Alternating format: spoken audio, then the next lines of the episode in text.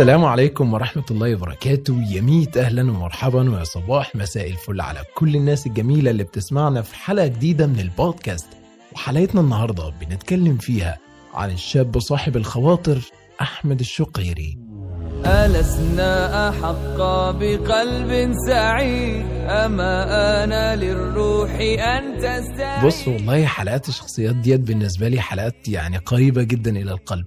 فكرة إن أنت تخش في حياة شخصية معينة بقى وتشوف الحركات اللي هو عملها في حياته علشان خاطر إن هو يبقى شخصية ناجحة أكيد يعني هنتكلم عن شخصيات ناجحة.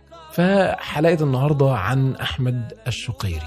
غير حالنا إن لم نغير أنفسنا. وخلينا ناخد لفة سريعة كده في حياة أحمد الشقيري.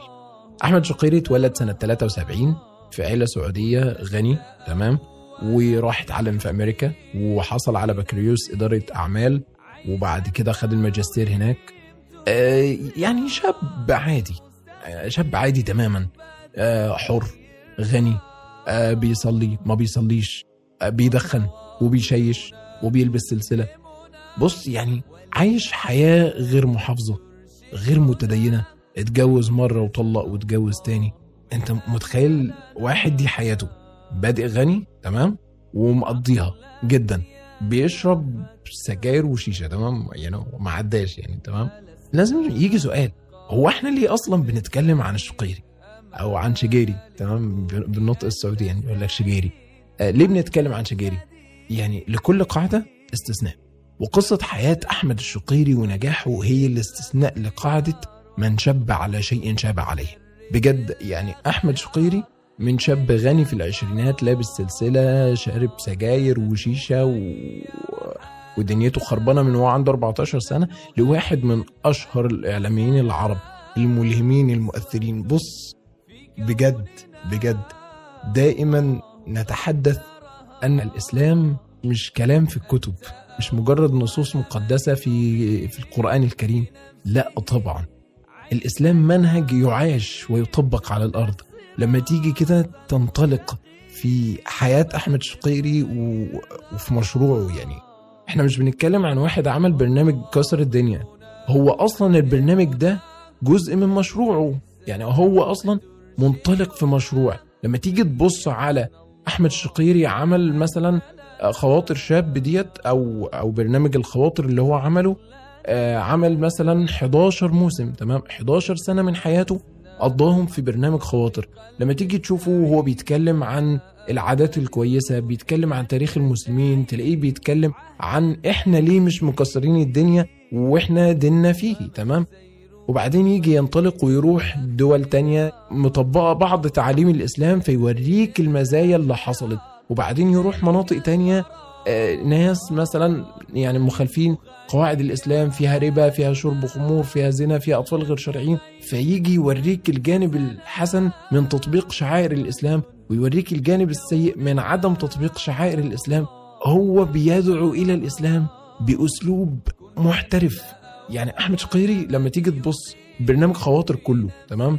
من أوله لآخره 11 سنة هو عرض منهم على الشاشة 70 ساعة. 70 ساعة دولت وراهم 20 ألف ساعة. يعني لما كان حد برضه بيسأله كده بيقول له يعني هو أنتوا بتعملوا الحلقة في قد إيه؟ أو بتعملوا الحلقة في كام ساعة؟ فكان إجابة حد من الكاست بتاعه بيقول قول بتعملوا الحلقة في كام شهر. فكرة الإبداع والله بجد إبداع في في العرض لدرجة إن هو ممكن يكون إيه؟ بيقول لك جملة واحدة في دولتين. لا يمكن لا يمكن أن نهمل هذا الرجل. وبرضه وبرضه بأكد إحنا مش بنتكلم عن أحمد شقيري كمجرد شخص إعلامي ناجح لا إحنا بنتكلم عن قصة شخص حقيقي بيطبق الإسلام أو يعني خلينا نقول يعني لا نزكيها على الله سبحانه وتعالى نحسبه كذلك هو شخص بيحاول يطبق الإسلام في كل حاجة بيحاول يوصل زي ما هو قال برضه إلى أعلى درجات الكمال البشري في شغله بيحاول يوصل لحاجات يعني قوية جدا يعني هو مش بس طور من نفسه ونجح وقرب من ربنا لا هو كمان قرر يبقى إيجابي وينشر الثقافة ويساعد الشباب ويطور منهم. هو كان بيركز في معظم لقاءاته على فكرة إنه في أمل للرجوع لطريق الله سبحانه وتعالى دائما. لا يغرق الإنسان بالوقوع في الماء وإنما يغرق بالبقاء فيه. العمل معايا متعب أنا عارف. حتى لو ما اعترفوا ما اعرف حيجاوبوا عن فريق العمل. لسه ما شفت الأجوبة حقتهم. ولكن حتى إذا لم يعترفوا أنا أقول لكم نيابة عنهم.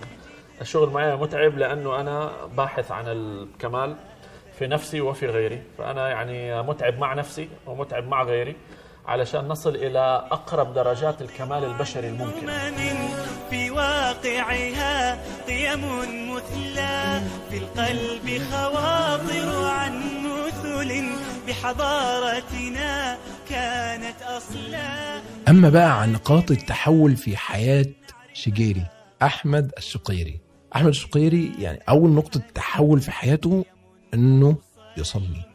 أيوة. اسمع الرقم ده. سنة 1994 أحمد الشقيري وقتها سجد أول سجدة. أنت متخيل لما بقى عنده 21 سنة صلى؟ يا ربي. لا بجد صعبة والله. عارف يعني إحنا ناس اللهم لك الحمد يعني والله بجد أنا بشوفها في ناس كتير يعني بيقعدوا يعني إيه يقول لك إيه قصة هداية الشيخ فلان وقصة هداية الداعية فلان وقصة هداية فلان. مش عارف يعني هو أنا ليه ما عنديش قصة هداية زيهم؟ عارف اللي هو إيه؟ ربنا سبحانه وتعالى سخر لك الدنيا إن أنت إيه من بدري وأنت بتروح وتيجي كده بس أنت في الإطار الكويس أو في الجانب الكويس بتروح وتيجي وتظبط شوية وتبوظ شوية ما حسيتش بجو اللي هو إيه كان هناك خالص كده وبعدين جه الناحية دي خالص. لا ما, حصلتش. يعني فأنا ما, عنديش أنا قصة التوبة العظيمة دي. ففكرة إن أنا أشوف حد لما يوصل 21 سنة يبدأ يصلي علشان خاطر برضو أنا. يعني أنا بقول لك بالله عليك لما تلاقي حد ما بيصليش تمام لازم قلبك يوجعك عليه وكمان تكون حاطط أمل إن هو ممكن يبقى حاجة كويسة جدا. مش معنى إن هو ما بيصليش النهارده إن هو هيفضل كده تمام؟ لا وارد جدا أن الله سبحانه وتعالى يهديه. قال ربنا سبحانه وتعالى في القرآن فمن يشاء الله يضلله ومن يشاء يجعله على صراط مستقيم. لو ربنا شاء هيحطه على صراط المستقيم بس أنت يعني إيه؟ ما تحكمش على حد. في كلمة طيبة جدا للإمام الغزالي رحمه الله لما سئل ما حكم من لا يصلي؟ قال حكمه أن تأخذه معك إلى المسجد. أوصى المختار بها ولنا فيه المثل الأعلى. تاني نقطة تحول في حياة شجيري لما قرر يبطل التدخين والشيشة. وتالت نقطة نقطة القراءة. أول كتاب قرأه في حياته كتاب عدة الصابرين للإمام ابن القيم. لسه جايبه في معرض الكتاب اللي فات أنا. ولكن بجد أهم نقطة تحول في حياة أحمد الشقيري كانت برنامج خواطر. التزم وبدأ يقرأ ويعرف أكتر عن الدين. دخل مجال الإعلام قدرا عن طريق صاحبه عرض عليه إنه يشتغل معد لبرنامج يلا شباب وافق. ولكن قدر الله سبحانه وتعالى له أن يعمل كمعد ومقدم. بعدها عمل برنامج رحلة وبرنامج لو كان بيننا عن طريق تسليط الضوء على اتخاذ النبي صلى الله عليه وسلم قدوة لنا في حياتنا اليومية. أحمد الشقيري ما كانش متصور ولا كان متخيل إن هو في يوم هيبقى أشهر اعلامي عربي. والله من الكلام اللي كتبته أسماء في تحضير الحلقة إن هي حضرت المواسم كلها بتاعت خواطر. ابتداء من خواطر واحد واثنين وثلاثة وأربعة لحد خواطر 11 حتى كان في برامج قبل خواطر اللي هي لو كان بيننا وغيرها حضرتها.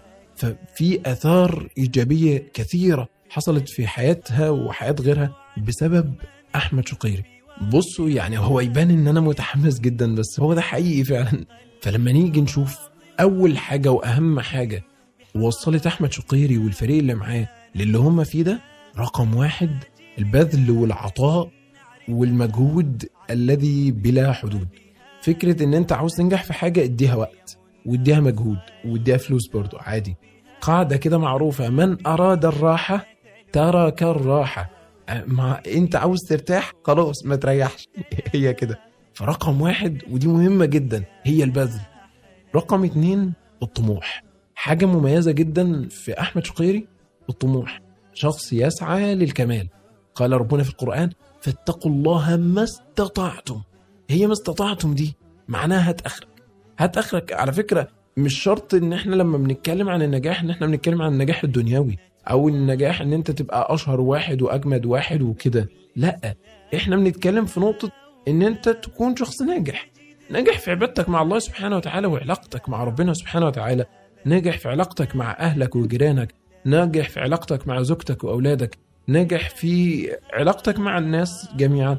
ناجح في شغلك الذي يرضي الله سبحانه وتعالى. نجح في دراستك التي ترضي الله سبحانه وتعالى. نجح في أبحاثك وعلمك وإفادتك ونفعك للناس وللبشرية. فكون كون شخص طموح. رقم ثلاثة صبر واستمرار وتدرج. بص هي باكج على بعضها كده. لازم تصبر ولو هم اتريقوا عليك. لازم تصبر ولو ما حدش مقتنع باللي انت بتعمله طالما انه يرضي الله تمام؟ فصبر مع استمرار مع تدرج. هقول لك حاجتين كمان علشان خاطر ما اطولش عليك. التضحية والإبداع. اللي عاوز ينجح بيضحي. وآخر حاجة هي الإبداع. ما تبقاش الموضوع إن أنا عملت اللي عليا وخلاص. يعني مثلا لو هو بيعلم الناس دين مثلا فيقوم إيه؟ حافظ الأحاديث وحافظ الكلمتين اللي هيقولهم ويطلع الحمد لله رب العالمين ويقوم خطب الخطبة وينزل. لا. المفروض تفكر هوصل لهم المعلومة إزاي. يعني مثلا لما تيجي تشوف مثلا البودكاست الجميل اللي إحنا بنعمله ده أنا لو شغال لوحدي هيطلع عيني ومش هوصل للمستوى ده ومش هنحقق ال- ال- الحاجة الجميلة دي اللي أنا شخصيا مبسوط بيها. اللهم لك الحمد. مش بعدد المشاهدات اطلاقا بس أنا الحمد لله مبسوط بيها. فلا يعني في مجهود في مجهود من في الإعداد من اسماء وفي مجهود من الخلفاوي في الهندسة الصوتية والمونتاج في شوية مجهود صغننين كده من محمد جمال في ال- ال graphics الشاهد إن في جهد مبذول وفي تعاون. وأظن يعني وأتقرب إلى الله سبحانه وتعالى باللي إحنا بنعمله ده. وأظنه بر وتقوى. قال ربنا وتعاونوا على البر والتقوى. وختاما أو قبل ما أختم يعني آه عاوز أقول إن إحنا عملنا قناة على تليجرام تليجرام تليجرام يعني ايا كان بتتنطق إزاي. المهم القناة ديت هتلاقي ال link تحت كده. لو أنت عندك ال application آه هتخش على طول وتعمل آه join يعني. لو أنت مش عندك ال application نزلوه موضوع بسيط. الهدف من القناة إن في البعض ما بيكونش آه متابع الحلقات كلها آه بيتفوتوا حاجات آه علشان خاطر إشعارات مثلا اليوتيوب اتكترت عليه. أو إن هو بيبقى مثلا مش فاضي. فنقطة إن إن ده بودكاست وممكن تبقى الحلقة طويلة شوية فطب إيه العمل في الحالة ديت؟ إحنا يعني فكرة ال- القناة على تليجرام هنقدر ننزل لك الحلقة آه، صوت بس. هذه يعني محاولة منا إن كل شخص يقدر يستفيد من المحتوى ال- آه، اللي إحنا بنقدمه واللي إحنا آه، نرجو من الله سبحانه وتعالى إن هو يتقبله. وختاما ما تنسوش تكتبوا لنا آرائكم وتعليقاتكم واقتراحاتكم تحت في الكومنتات. اشتركوا في قناة التليجرام. اعملوا لايك على الفيديو. اراكم على خير. والسلام عليكم.